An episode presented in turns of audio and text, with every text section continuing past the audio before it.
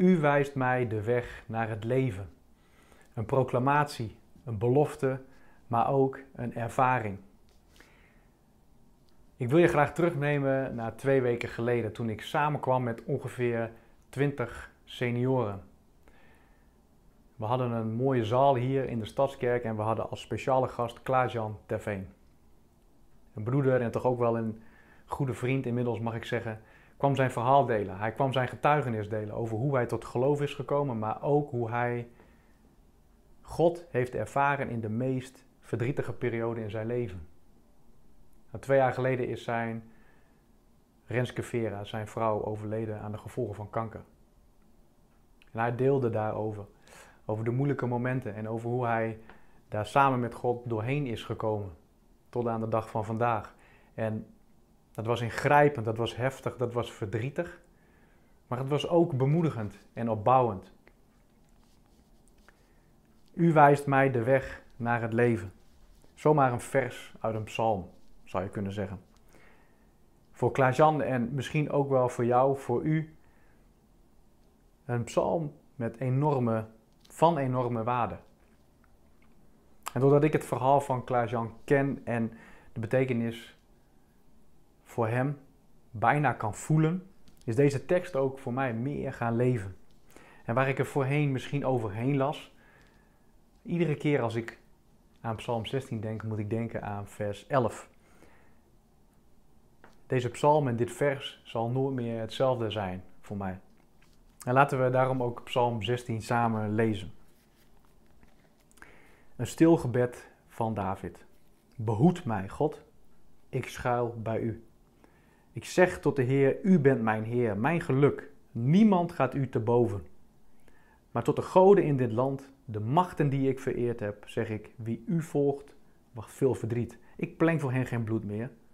Niet langer ligt hun naam op mijn lippen. Heer, mijn enige bezit, mijn levensbeker, u houdt mijn lot in handen. Een lieflijk land is voor mij uitgemeten en ik ben verrukt van wat mij is toebedeeld. Ik prijs de Heer die mij inzicht geeft. Zelfs in de nacht spreekt mijn geweten. Steeds houd ik de Heer voor ogen. Met Hem aan mijn zijde wankel ik niet. Daarom verheugt zich mijn hart en juicht mijn ziel. Mijn lichaam voelt zich veilig en beschut. U levert mij niet over aan het dodenrijk en laat uw trouwe dienaar het graf niet zien. U wijst mij de weg naar het leven. Overvloedige vreugde in uw nabijheid, voor altijd een lieflijke plek aan uw zijde. En waar mijn oog direct op valt als ik deze psalm lees, is de eerste regel: een stil gebed van David. Stil is stil in jezelf, dat betekent rust, even helemaal niets. In het Hebreeuws staat boven deze psalm het woord miktam.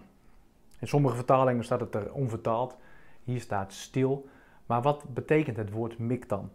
En als je dan op onderzoek uitgaat, dan kom je erachter dat het kan zijn een muziekinstrument of een bepaald muziekstuk. En in de oude vertaling stond er boven de psalm een klein oot. Een woord dat ik nog niet kende, maar wat vrij vertaald betekent een klein kostbaar voorwerp, een parel. En wat bijzonder is, Miktam staat boven nog vijf psalmen. Psalm 56 tot 60 heeft ook het woord Miktam erboven. Dat zijn ook bijzondere parels. Waarbij ik echt ook moet denken aan intieme momenten alleen in stilte met God. En als kern van deze psalm, en dat zal je niet verbazen, pak ik vers 11 er graag uit. U wijst mij de weg naar het leven. Overvloedige vreugde in uw nabijheid. Voor altijd een lieflijke plek aan uw zijde.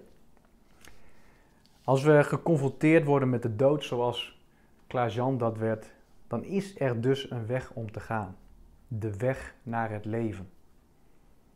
En dat is leven in overvloedige vreugde, in Gods nabijheid, voor altijd een heerlijke plek bij Jezus. Maar is dat niet veel te gemakkelijk gezegd?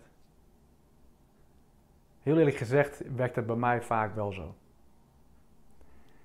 Samen met Klaas-Jan nodig ik één keer in de twee weken een gast uit om samen mee in gesprek te gaan, om diegene zijn verhaal te horen. En dat zenden we dan uit in de vorm van een podcast. En dat verhaal willen we ook graag met jou, met u delen. En in de eerste aflevering hebben we onszelf ook voorgesteld. En daarin deelt Klaas-Jan ook zijn verhaal. En ik heb enorm respect en bewondering voor Klaas-Jan, hoe hij ermee om is gegaan. En zijn verhaal is tegelijkertijd ook een inspiratie voor mijzelf. We maken allemaal verdrietige en vreugdevolle momenten mee. En met name dat verdrietige is zo lastig om mee om te gaan. En is dan deze psalm een simpele goddelijke pleister op je wonden? Is het dan een cliché? Nee. Ik denk dat als ik dat zou beweren, dat ik God daarmee tekort zou doen. Ik geloof dat God mij kent, mijn ziel kent, jou kent en jouw ziel ten volle kent. God zelf die wijst ons die weg en daarom is het ook zo belangrijk om ja, me tot Hem te wenden in mijn diepste pijn, in mijn diepste verdriet, in mijn diepste angsten. Want in je pijn en in je rouw is geen vreugde, integendeel zelfs. Ik ken momenten van eenzaamheid en intens verdriet. En dan vind ik het heel moeilijk om de vreugde van de Heer te kunnen ervaren.